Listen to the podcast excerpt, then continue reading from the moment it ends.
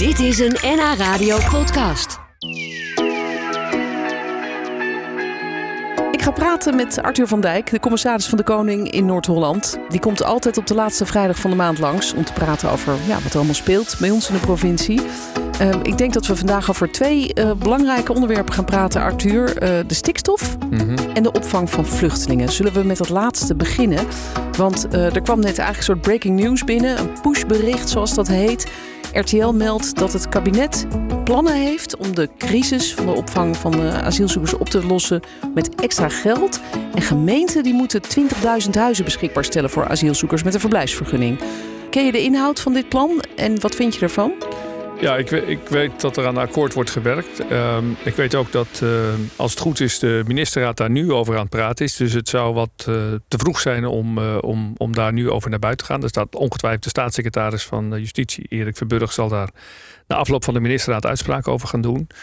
Ehm, ik denk wel dat eh, het goed is om misschien even uit te leggen. We hebben natuurlijk mensen die asiel zoeken in Nederland. En we hebben mensen die asiel zochten en die een status hebben gekregen. Dat zijn mensen die eigenlijk recht hebben om in Nederland te blijven. Ja, daar gaat dit over, hè? die 20.000 woningen. Ja, en, maar die woningen die waren al nodig, omdat er op dit moment, en dat is denk ik ook de uitdaging, meer dan 13.000, 14.000 uh, mensen met zo'n status nog op een plek zitten waar eigenlijk een asielzoeker zou moeten zitten, omdat er geen woningen zijn. Nou, eh, de provincies hebben daar ook een taak in. Ehm, wij houden toezicht op het feit dat de gemeenten uh, de aantallen die ze verplicht, wettelijk verplicht zijn te huisvesten, of dat die ook gehuisvest worden. Dat toezicht is best streng, uh, want op het moment dat een gemeente daar niet aan voldoet, en ook na meerdere aanschrijvingen, dan krijgen ze brieven, dan gaan wij in de plaatsstelling doen, zoals dat heet. En dat betekent dan dat op dat moment de provincie op kosten van die gemeente de huisvesting gaat regelen. Ja, is Voor dat zover ik gebeurd? weet is dat nog niet gebeurd Nee? in Noord-Holland. Ik weet wel dat die laatste brieven geschreven zijn, soms uh, voor bepaalde gemeenten. Maar dat Oh, ja. uiteindelijk de gemeente toen toch de oplossing heeft kunnen vinden. Oké, dus dat was wel genoeg. Dat die dreigbrief Dat van jongens, als jullie dit nu niet doen, dan gaan wij het doen. En dan kost het jullie geld. Ja, dat was wel genoeg, Patricia. Maar een ander punt is natuurlijk dat er op dit moment niet huizen in overvloed zijn. Nee, Dus ehm, we krijgen heel- net al een appje van een luisteraar die, die zei... ja, eh 20.000 huizen. Die mensen zijn natuurlijk, hè, die hebben een verblijfsvergunning gekregen... moeten ergens terecht. Maar waar haal je 20.000 huizen vandaan? Ja, dus dit, het zal mij niet verbazen als in een bestuursakkoord ook eh, uitspraken worden gedaan over tijdelijke huisvesting en dat soort zaken meer. Wat op zichzelf ook nog niet 1, 2, 3 geregeld is. Want of je nou een eh, definitief huis, zal ik maar zeggen, of een tijdelijk huis, die soms wel 10 of nee, wel, wel 20 jaar mee of 30 jaar mee kunnen gaan. Riolering heb je nodig, de weg er naartoe heb je nodig en voorziening Precies. heb je natuurlijk ook nodig. Ja. Maar ehm, wat denk ik wel heel goed is, is dat we weer als één overheid gaan acteren. En dat ehm, we het niet hebben over dit is een taak van de gemeente, dat is een taak van de provincie, een taak van het Rijk, maar dat uiteindelijk wel helder is dat eh, zeker bij asielopvang er een verantwoordelijkheid ligt bij het Rijk. Hè? Eh, eh, want die maken ook de afspraken als het gaat om de Europese opvang van asielzoekers, migratiebeleid. En dat er ook voldoende middelen eh, ook naar de toekomst worden vrijgemaakt om niet elke keer weer tegen dit probleem aan te lopen. We Ja. hebben eerder, eh, een aantal jaar geleden, eh, een hoos aan asielzoekers gehad. Toen hebben we in Nederland ook met asielzoek, asielmensen door heel Nederland heen gereden. Heel veel gemeenten zijn toen ook door het Centraal Orgaan Opvang, het COA heet dat, die al die opvang moet regelen. Die hebben toen heel veel gemeenten gemobiliseerd om, om ruimtes te organiseren. Uiteindelijk hebben heel veel gemeenten dat gedaan. Geen asielzoekers gekregen, bleven dus met de gebakken peren zitten. Ja, ja. En je zult begrijpen dat toen deze hoos eh, onlangs het eh, anderhalf jaar geleden startte, dat heel veel gemeenten wel wat sceptisch waren van ja, maar Rijk, we willen wel we- zeker weten. dat die dat mensen we- dan ook komen. En dat Ja. we ook het instrumentarium krijgen om dat te organiseren. Nou, en daar zit denk ik ook wel een heel belangrijke dat we in Nederland onze het heel efficiënt denken, hè, zo, zo, zo minimaal mogelijk inrichten, dat we dat echt wel ook gaan ombuigen naar een volwassen eh, en goede, eh, goed gedragen eh, opvangstructuur. Die ervoor zorgt dat gemeenten ook het vertrouwen krijgen dat, ze, eh, dat alles wordt vergoed Ja. en dat ze goed geholpen worden. Ja, dat vertrouwen is misschien wel weer even toch geschaad. De afgelopen weken zagen we de beelden van boze bestuurders en bewoners van Tubbergen.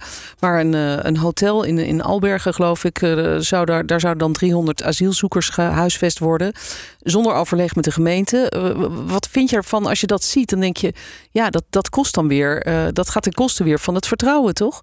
Ja, nou, nou hoor je natuurlijk altijd één kant van het verhaal. Hè? Ja. Want, want je hoort natuurlijk het COA eigenlijk niet op de tv zeggen of ze het wel of niet hebben doorgesproken. En, uh, want je kunt je bijna niet voorstellen dat COA een hotel koopt op een plek zonder dat er überhaupt ooit afstemming is geweest. Ja, maar ik dacht dat de wethouder van Tebergen dat gezegd heeft. En ik kan me voorstellen dat die wethouder dat niet verzint, toch? Nee, dat, nee dat denk ik. Maar het is natuurlijk gewoon niet goed dat je niet goed communiceert. Het is wel heel belangrijk. En dat zien we nu bijvoorbeeld ook in Velzen, waar een cruiseschip uh, gaat komen.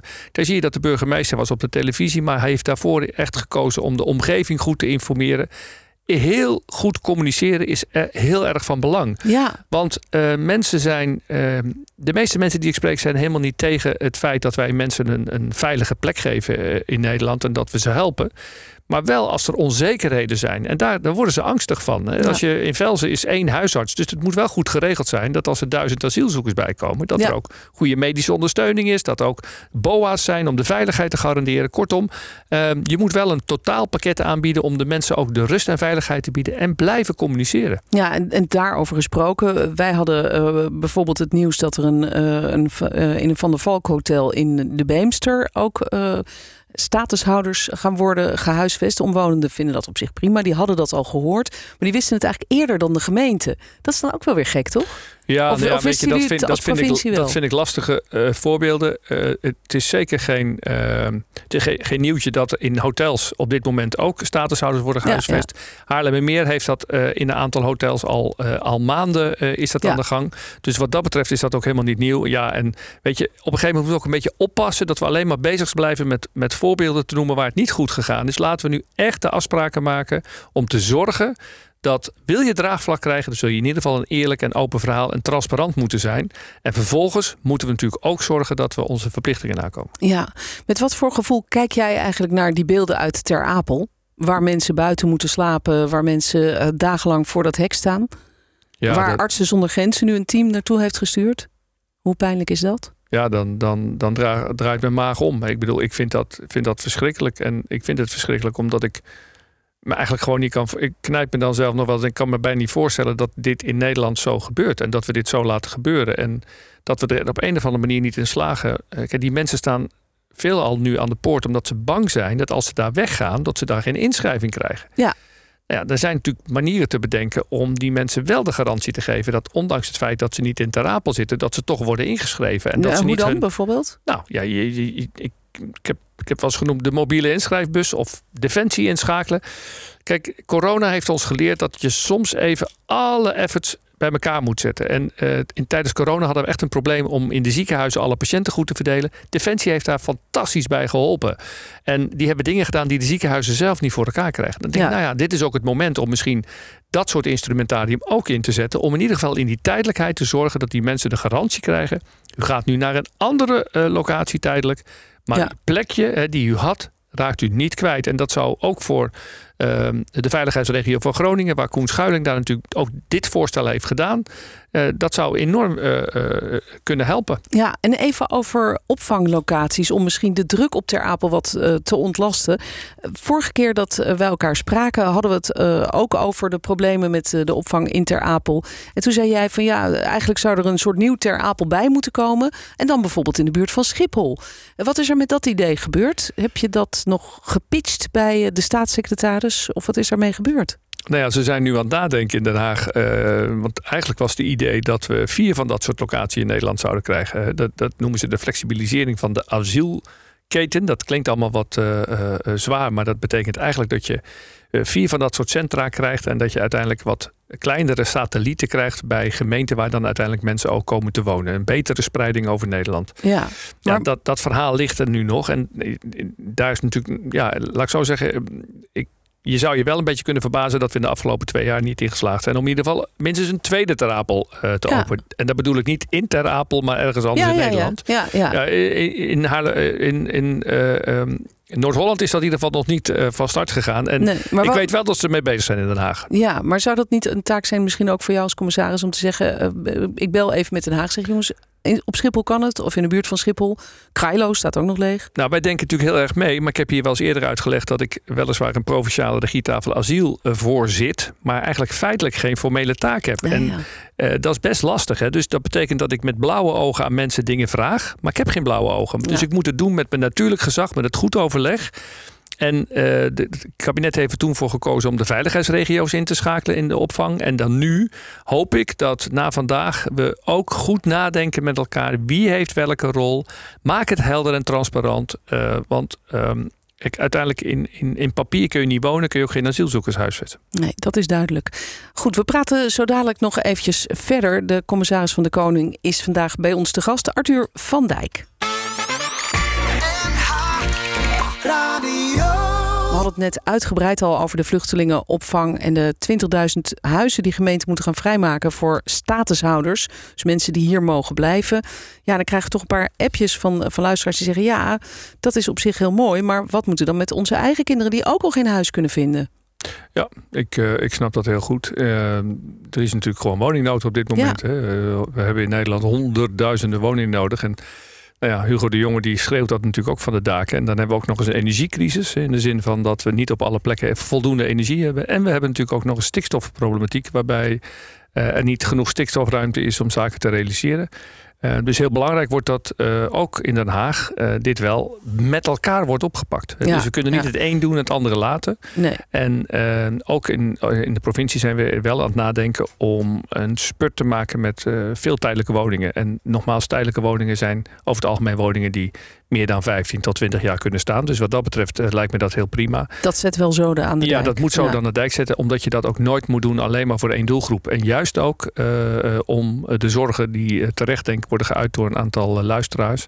Dat, dat daar ook oog voor is. Ja. Het slot, ik heb zelf ook kinderen. Die moeten zelf ook gaan wonen. Hè. Ja, dus precies. Ja. Uiteindelijk moeten we daar met elkaar wel een doorbraak in zien te vinden. Ja, je noemde net al het woord stikstof. Daar ging het de afgelopen maanden natuurlijk ook heel veel over. We hebben laatst gepraat met de collega van je gedeputeerde Esther Rommel. Die gaat over het stikstofbeleid. Zeker. Die vertelde dat ze ook al heel veel met boeren in gesprek is. Absoluut. Um, daar heb jij als commissaris natuurlijk ook wel wat uh, mee te maken. Uh, al ga je, is het niet, zit het niet helemaal in jouw portefeuille. Maar hoe, hoe vind je nou dat er, als je zo terugkijkt op de afgelopen weken, maanden, dat er landelijk geopereerd wordt door uh, een aantal uh, bewindvoerders zoals Christiane van der Wal die dat kaartje op tafel legde met ja. die stikstof. En nu weer Wopke Hoekstra van het CDA die zegt ja die deadline ach dat hoeft toch allemaal niet zo hard te zijn. We kunnen er ook wel wat langer erover doen.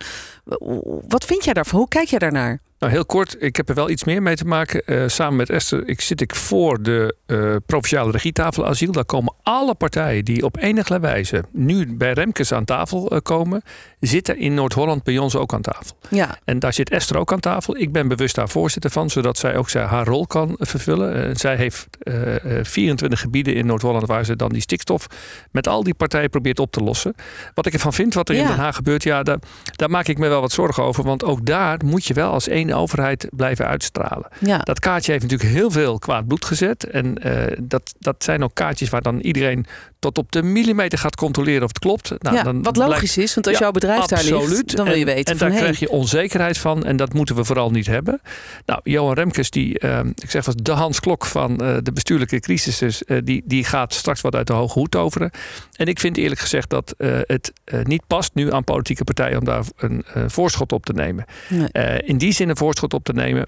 Uh, als kabinet heb je jezelf in een bepaalde positie gemanoeuvreerd. Het, is, uh, het zijn de ministerraad die daar besluit over genomen heeft. En ik vind ook dat je met elkaar best koers mag wijzigen als dat moet.